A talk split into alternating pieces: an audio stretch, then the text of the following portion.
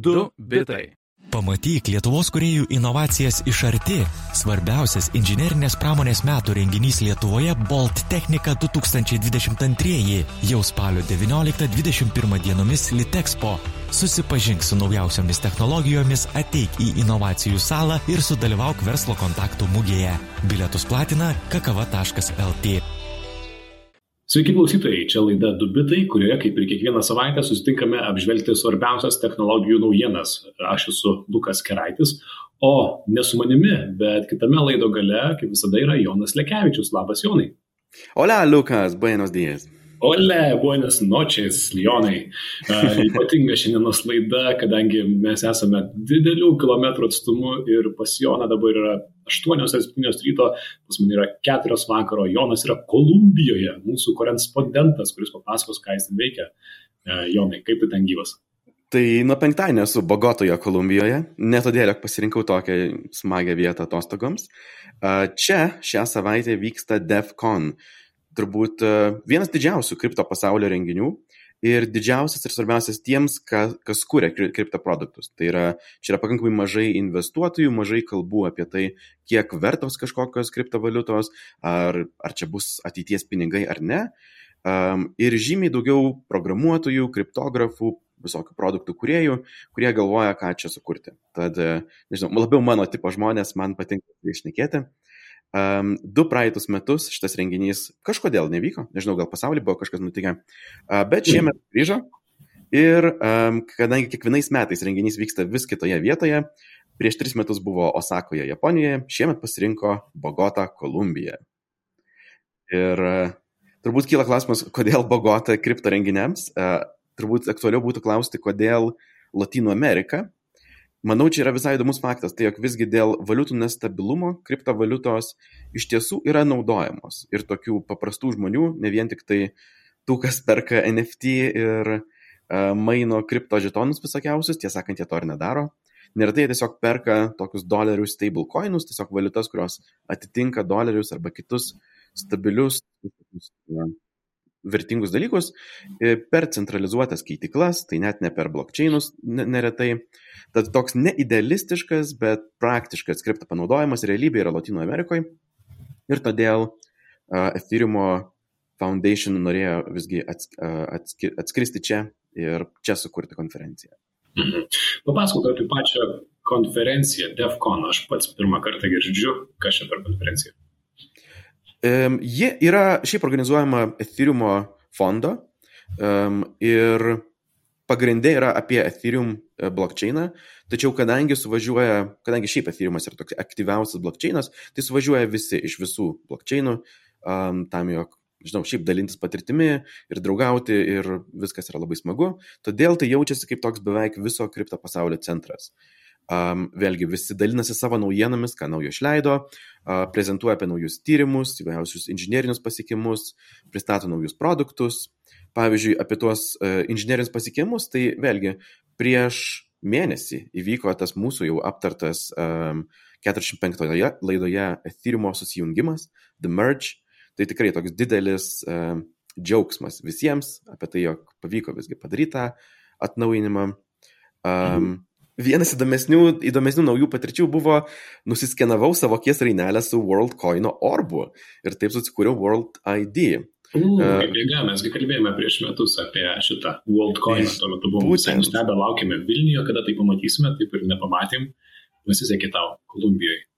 Ištikimiausi klausytojai tikrai pamins, kad mes beveik pusę laidos buvom skyrę WorldCoinams devintoje laidoje, pačioje pradžioje. Jų originalus planas buvo išdalinti tą savo kriptovaliutą kuo daugiau pasaulio žmonių, jog tai būtų toksai visų kriptovaliuta.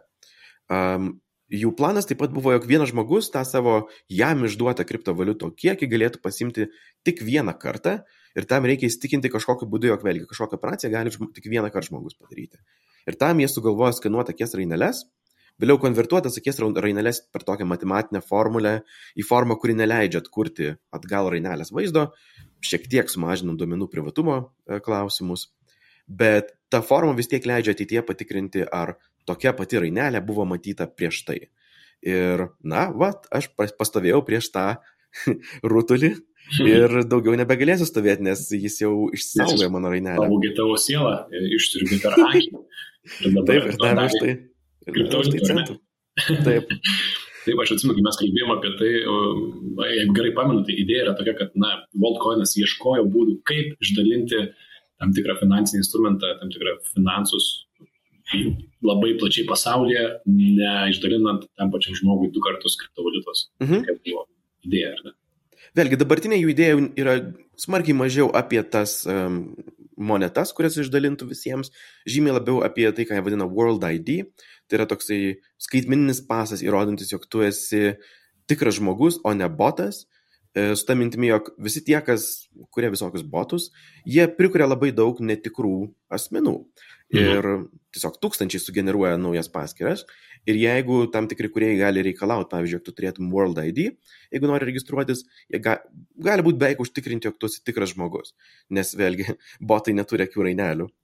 Um, šiaip skinavimo patirtis tai buvo tokia mistiška. Tai yra toks blizgantis metalinis teniso kamulio dydžio rutulys su tokia juoda dėme ir už jos ten matėsi gal 3 ar 4 kameros.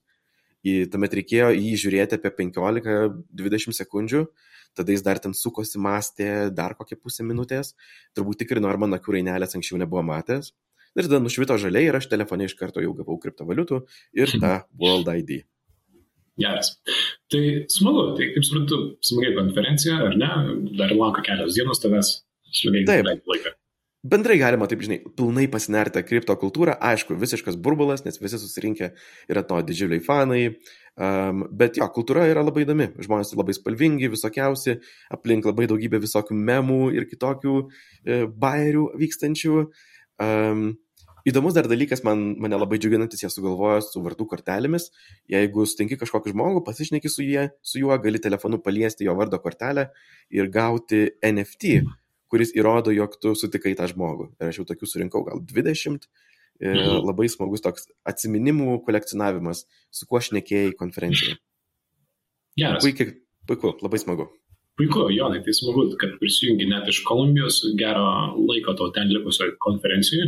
Aš žinių radio klausytėm priminsiu, kad laidoje du bitai aptarėme svarbiausias savaitės technologijų naujienas. Mūsų specialusis korespondentorius e, Jonas Lekevičius yra Kolumbijoje DEFCON konferencijoje, tai tiesiai iš jos prisijungė papasakoti, kas joje naujo, bet be abejo, kaip visuomet turime ir naujienų iš, iš plačiojo pasaulio. Mm, pakalbėsime apie meta visatas, ar ne? Nuo to tikriausiai pradėkime. Taip, aš čia dabar taip šviesiom spalvom nupaišiau, koks laimingas yra kripto burbulas. Realybė, aišku, yra gal kiek e, mažiau spalvota, kai kai, kai, kai kurios duomenys pasižiūri. DeepRadar duomenimis jie pažiūrėjo, kiek aktyvumo vyksta tose decentralizuotose metavisatose, kurios jau egzistuoja kai kurios 2-3 metus. Pavyzdžiui, Decentraland, turbūt tokia viena žinomiausių, jų duomenimis turi tik 38 aktyvius vartotojus per dieną. Ne 38 tūkstančius, 38. Ir um, jų konkurentas Sandbox beje nėra kažko jau labai uh, jam geriau besisekantis, jie turi gal 520 tų vartotojų. Tad um, skaičiai tikrai netokie, wow, čia bevykstanti revoliucija ir, ir viskas besikeičia. Aišku, šiems skaičiam pasirodžius spaudoje Decentraland vadovas teigia, jog čia yra netiesa, nes skaičiuoja tik vartotojus, kurie kažką perko, o ne vaikšto tiesiog, ne netyrinėja. Um, tad, aišku, galima galvoti, jog tai nėra visiškai tikslus skaičiai, bet jų, jų pačių duomenimis tai būtų tik tai apie tūkstantis vartotojų per dieną, kas vis tiek yra liūdnas skaičius kompanijų, kurios vertė rinkoje yra 1,3 milijardo dolerių. Tad Tad gana keista. Tiek tos meta visatos, apie kurią vis kalba Zuckerbergas, kuris taip stumia šią idėją ir nepasiduoda ir nori jiems įrodyti, kad tai yra labai faina ir smagu. Na ir tai yra puikiai įžanga į mūsų uh, vieną pagrindinių naujienų šiandienos. Tai praėjusią savaitę Meta turėjo savo Connect renginį, kuriame be viso kito pristatė naujus Quest Pro akinius ir, na, su Meta visada susijusius dalykus. Tai naujieji tie akiniai kainuos pusantro tūkstančio dolerių, visai nemažai, daug daugiau negu Quest 2 akiniai, kurie kainuoja vos 400 bet atrodo jie visai ne tik stilingai, bet ir funkcionaliai, ar ne, visokių naujausių technologijų juos prigrūsta. Taip, ir bendrai jie tą kainą parinko tokią didžiulę, ne todėl, jog, aišku, šiaip nori pasididžiulį pelną, bet čia kaip įvairūs gamintojai, kurie gamina e, savo paprastą maš, maš, automobilio modelį ir kokią nors premium kategoriją ar premium um, automobilių, gal net markę, kuri yra per brangi, per naujas technologijos, jog būtų galima tiesiog nuleisti um, paprastam vartojimui, tad jie į tą kainą iš tiesų sudėjo visas naujausias technologijas, kokios tik egzistuoja, sakyčiau, gal net didžiausias pokytis buvo optikoje, lešių inžinerijoje, jie naudojo tokius sudėtingus, plokštesnius lešius, kurie keletą kartų sulaužo šviesą savo viduje ir tokiu būdu tie akiniai gaunasi plonesni. Mhm. Aš atsimenu, kai pirmą kartą išbandžiau Microsoft HoloLens sakinius, kurie taip pat buvo, na, šiek tiek panašus ir skirti ne kasdieniam naudojimui, bet labiau kuriems tai tikrai buvau stipriai nustebęs, jeigu kažkas užsisakinėjote užsisakinėjate Quest Pro akinius, tai duokite mums žinoti, bakstelkite, tikrai norėsim išbandyti. Uh, taip, šitus, šitus akinius pats Zuckerbergas vadina mixed reality įrenginiu, tai yra na, maišytosios realybės įrenginiu, ne tik virtualios realybės, kadangi periferijoje nebebus galima matyti aplinką, šiek tiek bus galima gaudytis, kur esi. Ir, na, iš esmės tai tikrai toks nemažas patobulinimas, bet, bet vis tiek tie akiniai vis dar yra skirti meta visatų ir virtualių pasaulių kuriejams, ne kasdieniams naudotojams. Mhm. Aš taip suprantu, ar ne? Jo, šiaip su tuo periferijos matymu, tai man tikrai įdomus dizaino sprendimas, nes šiaip su virtualia realybė, tai dažniausiai tikslas yra visgi atsiriboti nuo realiaus pasaulio ir pasinerti į kažkokį naują, visiškai kitokį pasaulį. Ta jie sprendžia tokiais magnetiniais, kaip nežinau, ar, arklių uh, už, uh, šviesos užsidengimais iš šono, jog panaikintum tą realybę, kuri, kuri iš tiesų egzistuoja, bet savo standartiniai konfiguracijai tu matai savo kambario šonus, sako, net gali kažkokius užrašus pasidaryti, žiūrėdamas žemyn. Tad yra tikrai įdomus dizaino sprendimas, būtų įdomus tuo pažaisti, pažiūrėti, kaip tai jaučiasi. Ir akiniuose bus daugybė kamerų, jos stebės ne tik aplinką, netgi galės matyti, kas yra už tavęs, bet tuo pačiu stebės ir tavo pačio veido eks, eks, ekspresiją. Tai yra, kad, na, tavo avataras, apie kuriuos taip pat verta pakalbėti, taip pat tas, tas išraiškas parodytų. Mhm. Žinai, kodėl buvo pasirinkta apskritai naudoti avatarą, o nerealų žmogų tose toje aplinkoje? Iš to, ką jie pasakojo vėliau savo pristatymę, buvo suprantama, jog visgi realistiški uh, beveik 3D skenavimo kokybės avatarai, na, jie dar yra ganėtinai toli. Ir todėl reikia daryti tam tikrus kažkokius kitus trumpesnius, paprastesnius žingsnius, um, aproksimuoti žmogų į kažkokį galbūt truputį kaip animacinio filmuko veikėjo atrodantį avatarą, todėl jog, na, kol kas dar mes neturime uh, technologijų, kaip tą pasiekti. Taip, tad iš esmės, jeigu kažkas meta visatoje, įsivaizduokime, bus su tais akiniais, tai na, ir aš būsiu meta visatoje su tais akiniais, tai aš matysiu kitą žmogų, tarsi tokį animacinį veikėją avatarą, mhm. kurio mimikos, veido išraiškos turėtų atitikti daugiau mažiau realybę. Taip. Dar keletas tokių techninių dalykų, manau, prieš perinant į avatarų pasaulį. Viena, tai jie taip pat labai smarkiai pakeitė tų valdiklių, tai yra dalykų, kuriuos tu laikai rankose ir su jais kažką darai virtualioje realybėje, dizainą ir funkcionalumą. Anksčiau jie veikia tokiu principu, jog um, kameros akiniuose bandė stebėti, kur visgi yra tie valdikliai ir pagal tai nuspėti, kur yra tavo rankos. Dabar jie įdėjo kameras tiesiai į pačius valdiklius. Valdikliai yra tokie beveik net mini kompiuteriai. Um, tad tai reiškia, juos galima net užsidėti už nugaros, kur šiaip šalmas nematytų ir vis tiek viskas veikia. Tai tikrai labai įdomu. Ir kaip minėjai, papildomos kameros, kurios nukreiptos žemyn nuo akių, e, nutaikytos į burną ir nosį, tam, jog būtų galima pamatyti, kaip juda lūpos, kokios yra nosies išraiškos ir taip toliau. Labai įdomu, labai įdomu. Mhm, kitai. Ir Meta taip pat paskelbė, kad su Microsoft uh, integruos tuos avatarus į Microsoft Teams skambučius. Tai, žodžiu, per visus galus, e, visais įmanomais būdais meta bando ieškoti, kur tik tai galėtų judėti savo, savo meta visatos viziją ir savo avatarus. Gražu žiūrėti. Apskritai Bet, girdėjau komentarą, jog tai yra didžiausias e, Meta ir Microsoft partnerystė nuo Windows Phone laikų, nes jie integruosis ne tik su Teams, jie bandys integruoti visas Windows programas, jog būtų galima naudotis virtualioje realybėje, Xbox žaidimus būtų galima žaisti. Toksai um, panašu, jog Microsoftas tikrai teiks daug turinio meta visatai. Mhm. Ir vis tiek tie, tie avatarai, kurie pagaliau gavo ir kojas, nes prieš tai meta, meta darė avatarus, kurie be kojų. Ir aš labai įsivaizduoju tą susitikimą, kuriame jie visą tai aptarė, nes na, žemiau liemens yra mūsų visos, sakykime, imtymios dalys žmogaus ir žmonės internete daro pačius keiščiausius dalykus ir spėjo, jie tiesiog norėjo apsidrausti nuo keistų pozų ir dar kažkokių dalykų, kas būtų keista meta visatoje ir nepatogu, tai tiesiog nuimė nuo avatarų kojas, bet dabar jie sugražino. Sugražino. Ir jie sugražino dirbtinis intelektas, kuris bandys pats atspėti, kaip turėtų atrodyti kojos, priklausomai nuo galvos ir rankų pozicijų, nes vėlgi sensorių kojose nėra. Tai tiesiog belieka išgalvoti tas kojas ir atrodo, jie net labai stengiasi, net pridėjo batų garsus, kai eini grindimis ir taip toliau. Tai okay, stengiasi. Taip. Na, man šitos visos istorijos moralas yra toksai, kad metai nelabai sekasi su meta visatomis, bet jį labai stengiasi. Na, dabar visai šviežiai nusipirko tris virtualios realybės žaidimų kūrimo studijas, tad ruošiasi tikrai nemažai visko kurti, nors Horizon Walls yra pagrindinis meta produktas, tokia tarpinė aplinka virtualios realybės, kurie šiaip pagal Zuckerbergą jau dabar mes turėtume dirbti ir bendrauti.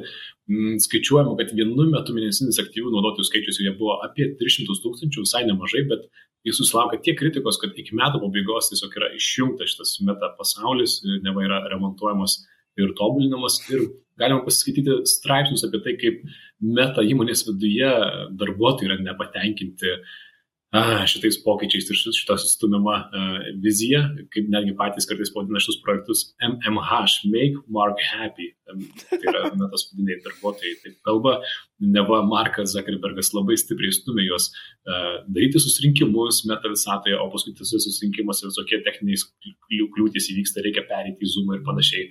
Uh, na, netgi viceprezidentė metas skundėsi, kad darbuotojai nesinaudoja meta visatos galimybėmis, virtualią realybę ir viduje savo įmonės klausia, kaip galime kurti produktą, kurio patys nemylime. Žodžiu, stumiama tai yra labiau negu, negu laukiama. Na bet, na, bet mhm. pasikartosiu, Oculus Pro, kieti akiniai, noriu pažaisti, duokit, kas turės. Žinai, kitas momentas, e, kur pasijutau irgi nesuprantantis, ką čia Zakas e, stumia ir gal aš jau per senas visam pasauliu, tai buvo, kai jis paskelbė E, tikrai niekur nesuprantu, kuris stumia tą savo pasaulį, jog skambučiuose su draugais, kur šiaip, pavyzdžiui, Messengeryje gali atsidaryti, žinai, video pokalbį ir, ir tiesiog tau įsijungia kamera, draugai įsijungia kamerą, jūs matot vienas kitą, galite kalbėti. Lab, labai suprantama, labai puiku. Sako, šituose skambučiuose galėsi būti ne savimi, o savo avataru.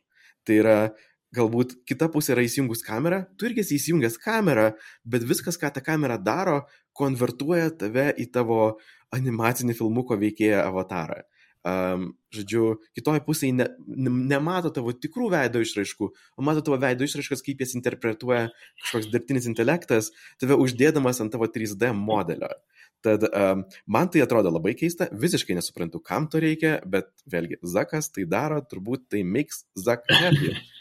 Tikrai, man įdomu, ką prieš metus laiko, kai jis paskelbė visą tai, ką jis susapnavo, paskelbė, kad išleis 10 milijardų dolerių visam tam ir, ir dabar išleidžia didelės sumas pinigų, netgi Oculus kompanijos, kurią Meta nusipirko prieš 8 metus, kuri kūrė virtualią realybę, technikos vadovas interviu nesnei sakė, kad jiems skauda skrandį pagalvoti, kiek pinigų yra kišama į Meta visatos idėją, bandymą ją sukurti, Google kiti atšaukinėja projektus, o Meta ir Zuckerbergas na, užsimerkia stumė visomis išgalimis šitą idėją ir jau rimtus metus jie išleido apie 10 milijardų dolerių, Facebook'o akcijos, tai yra metos akcijos, krenta kurį laiką, e, žodžiu, Zuckerbergas tarsi žaistų all-in, bet jisai gali sau leisti. Milijardierius pasaulio vienas didžiausių ir, ir nori, kad mes visi perskrustume į meta visatas nežinau, ar tai bus, mes su Jonu kiek skeptiški panašu. Nu jo. ir, ir, ir, ir jeigu neturime ką daugiau pridėti, dar viena naujiena tikriausiai pabaigai. Mm, praėjusią savaitę mes nemažai kalbėjome apie dirbtinio intelekto įrankius, ką naujo galima su dirbtiniu intelektu kurti. Kalbėjome, kad jisai kuria, pagaliau kuria video, gali generuoti video. Ir man šią savaitę labai užkabino naujas Google tyriejų dirbtinio intelekto modelis pavadinimu Audio ML, kuris gali pratesti šneką arba muziką vos išgirdęs kelias e, sekundės. Tai yra, na, įdedi, sakykime, garso įrašą, kur aš su telefonu padaręs būčiau uh, 3 sekundės to garso įrašo ir dirbtinis intelektas praplečia mano kalbėjimą, kur turinys nebūtinai yra prasmingas, bet atrodys tarsi kalbu kažką, kažką aš. Arba gali įdėti kelias sekundės muzikos, pavyzdžiui, pianino grojimo ir dirbtinis intelektas atspės, kas yra grojama toliau. Tad, e, žodžiu, papasakoti sunku, e, paklausyti daug paprasčiau. Tai pirmiausia, paklausykime labai labai trumpos ištraukos 3 sekundžių kalbos, tai rašnekos, kurią intelektui, dirbtiniam intelektui tokiu atveju. Klausykime. I wish I hadn't cried so much, said Alice. Tad 3 sekundės kalbėjimo ir dirbtinis intelektas pateikia tokį 10 sekundžių ištrauką su ta 3 sekundžių taip pat įtraukta dalimi. I wish I hadn't cried so much, said Alice with a faint smile. Well, you must tell us some day, said Joel, making a big grin. Visiškai koherentiška, normali istorija, kur tu kad dirbtinis intelektas sugeba perimti pasakotojo intonaciją, balsą ir netgi angliškai sako, kad įveda kitą veikėją ir tas kitas veikėjas kalba kitų. Galima paklausyti dar vieną ištrauką su ta pačia 3 sekundžių įžanga ir kitų pratesimu dirbtinio. I wish I hadn't cried so much, said Alice apologetically. He laughed and said, You're very kind, but you must not cry Taip, na ir dirbtinis intelektas gali tęsti um, tai labai labai labai ilgai. Ir iki šiol panašių modelių buvo tikrai ne vienas. Uh, visų jų iššūkis yra arba garso kokybei būdavo prasta, arba tie modeliai blogai užtikrindavo nuoseklumą. Tai yra, kad, na, kad galima tęsti tą pokalbį 10 sekundžių ar daugiau, o štai audio ML panašu visai tai išsprendžia. Daug įspūdingesnis pavyzdys yra su muzika. Tai yra, duodame dirbtiniam intelektui kelias sekundės pianino melodijos šiuo atveju ir paklausysime, ką jisai gali su tuo daryti, to jau paleidžiu.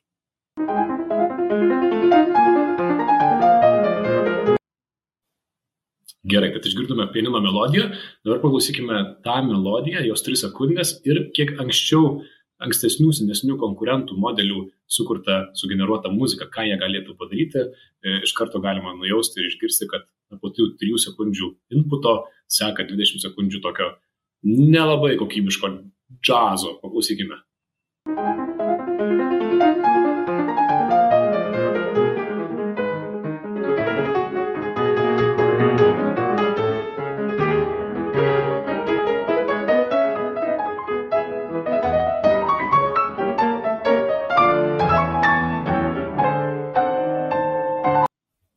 O dabar dar kartelį duodu paklausyti vadinamąjį inputą 4 sekundės pianino.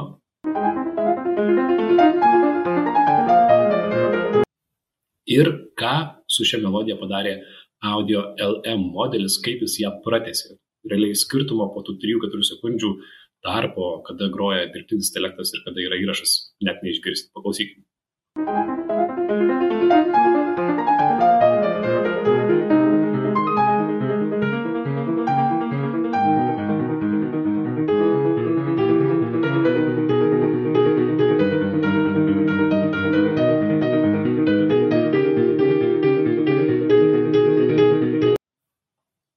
Tad ar galėtumėt patikėti, kad tai na, kuria ne žmogus, o dirbtinis intelektas. Įspūdinga detalė yra tai, kad šitas modelis yra apmokytas vien šneka, tai yra aukštos kokybės garso įrašais, be jokio transkribavimo ar anotavimo, kaip pavyzdžiui, kad ir kažkiek žinomas lietuviškas šnekos modelis Liepa ir Liepa 2 Kažkas turėjo kiekvieną garso įrašą, kurį padarė žmogus, jisai skaitė tekstą, kažkas turėjo rankiniu būdu sukabinėti garsus su konkrečiais sakiniais, buvo daug mechaninio darbo, o šis modelis paima šneką ir panašiai kaip kalbos modelis GPT-3, apie kurį aš kalbėjau ne kartą, jisai tiesiog nuspėja, jisai spėja, kas bus toliau, kokie žodžiai ir sakiniai įprastai seka, kokius žodžius, kokią melodiją turėtų sekti tokią melodiją.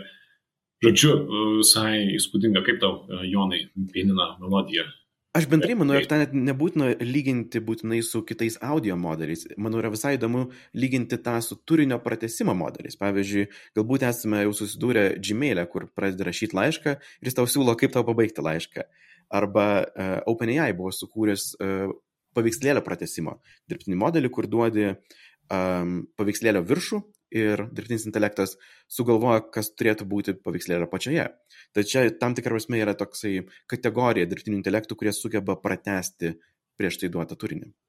Taip, bet šita kokybė, būtent šito modelio mane tikrai stebina ir pats Google sako savo blogą, kad davė žmonėms paklausyti sugeneruotos muzikos bei kalbėjimo ir šnekos ir paprašė jų atspėti, kur yra žmogaus na, įrašas, o kur yra dirbtinio intelekto sugeneruota garsai ir 51 ir 20 atspėjo tiksliai, tad realiai vienas iš dviejų arti tiesiog spėjimo aklo ir e, suprasdami, kad e, toks panaudojimas, tai tie tikrai bus gali būti problematiškas, naudojamas sukčiaujant ir panašiai, Google iš karto jau sukūrė detektorių, kuris atpažįsta tokius sugeneruotus audio įrašus beveik 99 procentų tikslumu. Žodžiu, man tai lengva įsivaizduoti jokią paslaugą, kurią leis padaryti šitas modelis, kai įkeli video ir jisai sum, pamato vaizdus ir pagal juos tau sudeda automatiškai garso efektus, nereikia nieko galvoti. Tai wow, wow, wow, wow, wow. mes antrą savaitę išėlės, antrą mėnesį išėlės alpstam nuo dirbtinio intelekto kuriamų įrankių. Tiesa, apie praeitoje laidoje mes mažą netikslumą, nors tuo metu galbūt tai dar nebuvo netiesa, mes sakėme, jog e, dirbtinio vaizdų generavimo dirbtinis intelektas Fenaki buvo sukurtas anonimo, dabar mes žinome, jog tas anonimas buvo beje taip pat Google komandos. Taip. Na, tai mažas patikslinimas ir, žodžiu, grįšime tikrai kitose savaitėse uh, su nauj, atnaujinimais, ką daro dirbtinis intelektas, nes matom, kad ne tik mums, bet ir jums visą tai yra įdomu. O dabar laikas užbaigti, paleisti Joną į toliau Kolumbijoje klajoti po savo konferenciją. Uh, kaip visuomet, mus galima klausytis, kada jums tai patogu, per Spotify ir visas kitas tinklalaidžių programėlės. Laidų įrašus rasite žinių radijo interneto svetainėje žiniųradijas.lt, mūsų šaltiniai yra svetainėje dubitai.com. Čia buvome, buvome mes, Lukas Keraitis ir Jonas Tekevičius, tiesiai iš Kolumbijos, e, sakom, e, iki, kaip, e, kaip pasakyti, iki ispaniškai. Nežinau, čiau? čiau. Tikėkimės, kad tiks ir čiau. Gerai, iki kitos savaitės. Iki. Du bitai. Pamatyk Lietuvos kuriejų inovacijas iš arti. Svarbiausias inžinerinės pramonės metų renginys Lietuvoje Bolt Technika 2022 jau spalio 19-21 dienomis Litexpo. Susipažink su naujausiomis technologijomis, ateik į inovacijų salą ir sudalyvauk verslo kontaktų mugėje. Bilietus platina kakava.lt.